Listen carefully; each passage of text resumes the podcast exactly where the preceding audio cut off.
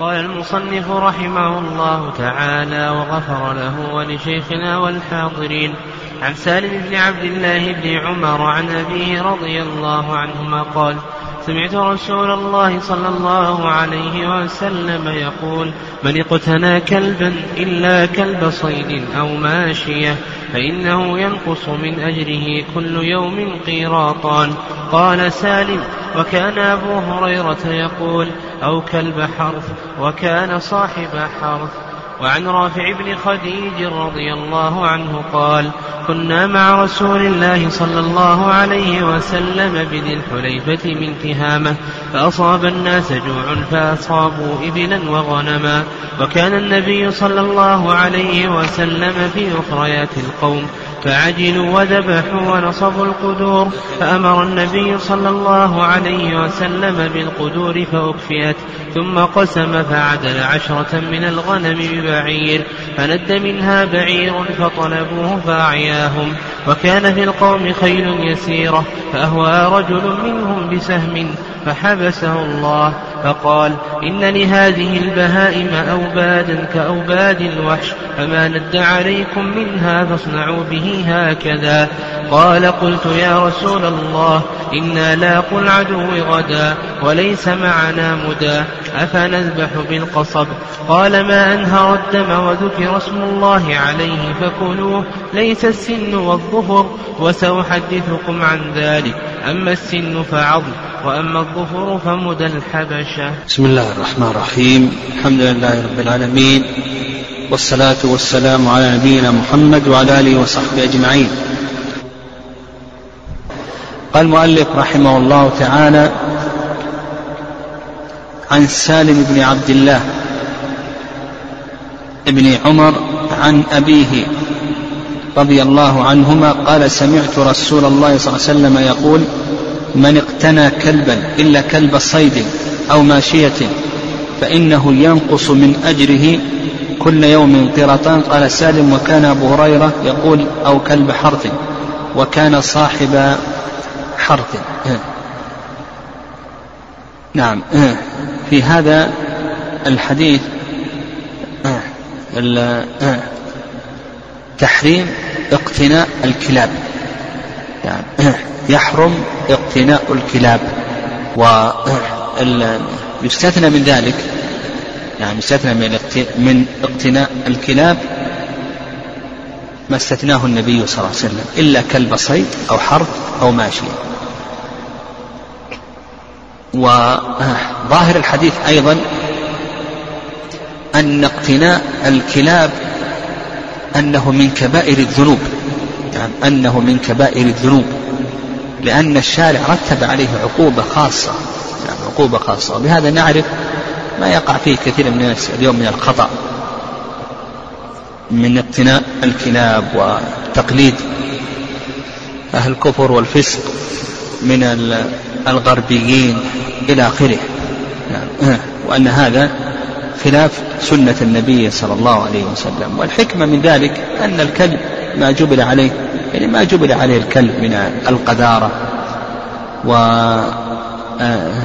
ونحو ذلك. نعم. نعم القذارة والضرر المصاحب للكلب ونحو ذلك إلى آخره. وأيضا من الحكم هو مباعدة الملائكة يعني للبيت الذي فيه الكلب يعني اقتناء الكلاب وتربية الكلاب يعني اتخاذ الكلاب وتربيتها اقتناؤها اتخاذها وتربيتها. جبريل عليه السلام لم يدخل بيت النبي صلى الله عليه وسلم لما كان تحت السرير جرو كلب للحسن يلعب به. امتنع جبريل عليه السلام من دخول بيت النبي صلى الله عليه وسلم حتى يخرج ذلك الكلب. فمن الحكم أيضا مباعدة الملائكة البررة عن المكان الذي فيه هؤلاء الكلاب. وفيه أنه يباح اقتناؤه للمصلحة والحاجة يعني المصلحة والحاجة مثل كلب الصيد والحرث والماشية ونحو ذلك من الكلاب الآن التي ينتفع بها التي في الأمن الكتاب الكلاب التي يحتاج إليها في الأمن نحو ذلك في الكشف عن المخدرات والمجرمين ونحو ذلك. هذه ملحقة مثل هذه. الأشياء على طريق القياس. نعم والشريعة لا تفرق نعم لا تفرق بين المتماثلات. قال المؤلف رحمه الله فيما نقل في كتاب عراف ابن خديج قال كنا مع رسول الله صلى الله عليه وسلم بذي الحليفة. ميقات ذي الحليفة. وتقدم لنا أن ذا الحليفة أنه تصغير الحلفة والحلفة نوع من الشجر في ذلك المكان. وذو الحليفة يبعد من المسجد النبوي بما يقرب من ستة أميال والآن امتد إليه عمران المدينة. من تهامة فأصاب الناس جوع فأصابوا إبلا وغنما وكان يسلم في أخريات القوم فعجلوا وذبحوا ونصبوا القدور. فأمر النبي صلى الله عليه وسلم بالقدور فأكبئت ثم قسم فعدل عشرة من الغنم ببعير فندى يعني هرب وشرد. منها بعير فطلبوه فأعياهم يعني آه أتعبهم ولم يتمكنوا منه. وكان في القوم خير يسيرة فأهوى إليه رجل منهم بسهم فحبسه لما ضربه بالسهم توقف فحبسه الله. فقال إن لهذه البهائم أوابد كأوابد الوحش فما ند عليكم منها فاصنعوا به فما ند عليكم منها فاصنعوا به هكذا. يعني, قول النبي صلى الله عليه وسلم إن لهذه البهائم أوابد كأوابد الوحش يعني أن لها توحشا. نعم أن لها توحشا ونفورا كما يكون للوحش كما يكون للوحش نفور.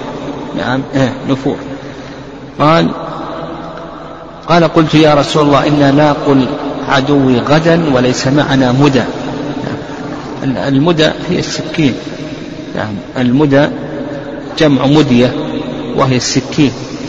نعم آه. أفنذبح بالقصب؟ قال ما أنهر الدم وذكر اسم الله عليه فكلوا ليس السن والظفر وسأحدثكم عن ذلك. أما السن فعظم وأما الظفر فمدى الحبش آه. نعم هذا الحديث الشمل على مسائل. نعم من هذه المسائل نعم من هذه المسائل قال نعم هو قال لكون في أول الحديث كنا مع رسول الله بذي الحليفة من تهامة نعم نعم ونحن ذكرت أن ذهب ذهني إلى الميقات المعروف لكنه قال هنا من تهامة نعم من تهامة. ف والحليفة الحلفة نبت معروف لكنه ليس هو الميقات المعروف ميقات أهل المدينة يعني لأنه قال من تهامة. وهم يقولون من تهامة يعني ما تصوب من جبال الحجاز إلى البحر. يعني ما بين جبال الحجاز إلى البحر. قال فأصاب الناس جوع إلى آخره. في هذا التعزير بإتلاف المال. نعم التعزير بإتلاف المال. لأن النبي صلى الله عليه وسلم أمر بالقدور فأكفئت. وذلك أنهم تعجلوا فذبحوا. كان واجب أن يستأذنوا النبي صلى الله عليه وسلم. وهل يعزر بإتلاف المال أو لا يعزر بإتلاف المال؟ هذا موضع خلاف بين أهل العلم لكن آه، آه، إذا اقتضت المصلحة جاز ذلك وهذا نعم فعل النبي عليه الصلاة والسلام. وفيه قوله فعدل عشرة عشر عشرة من الغنم ببعير. نعم آه، فيه يعني قوله عشرة من الغنم ببعير. هل يجزئ البعير عن عشر من الغنم؟ أو نقول بأنه يجزئ عن سبع. عن سبع من الغنم إلى آخره. هذا موضع خلاف يعني فيما يتعلق بالهدي. يعني البعير هل يجزئ في الهدي والأضاحي عن عشرة أو عن سبعة؟ هذا الحديث يدل على أنه يجزي عن ماذا؟ ها؟ عن عشرة. يعني عن عشرة. لكن أجاب العلماء رحمه الله عن ذلك قالوا هذا في باب قسمة الغنائم وليس في باب الهدي والأضاحي. يعني ليس في باب الهدي والأضاحي. في باب الهدي والأضاحي البعير يجزئ عن سبعة. الهدي يجزي عن سبعة لكن في باب الغنائم يجزي عن عشرة. قال وفي هذا أيضا إذا أنه إذا أنه إذا توحش الأهلي فإنه يأخذ حكم المتوحش. حكم المتوحش الصيد المتوحش حكمه هل يذكى أو أو يجرح في أي مكان من بدنه؟ ها؟ نقول يجرح في أي مكان من بدنه. فكذلك أيضا الأهلي كذلك أيضا الأهلي إذا توحش أخذ حكم المتوحش نجرحه في أي مكان بدنه. والعكس بالعكس المتوحش إذا قدرنا عليه فإنه يأخذ حكم ماذا؟ الأهلي لا بد من تذكيته. نعم لا بد من تذكيته. وفي هذا أيضا أن النبي صلى الله عليه وسلم ذكر قاعدة عامة. قال لك ما أنهر الدم وذكر اسم الله عليه فكل كل شيء ينهر الدم. كل شيء له محدد لك أن تذكي به. الزجاج الحديد القصب الحجر إذا كان له محدد. المهم النبي صلى الله عليه وسلم أجاب بجواب عام. قال ما أنهر الدم وذكر اسم الله عليه وفي هذا أيضا أن التسمية شرط لأن النبي صلى الله عليه وسلم قال ماء ماء هذه شرطية. يعني وفي هذا الدليل على أن التسمية شرط في باب الصيد. في باب الصيد وأنها لا تسقط.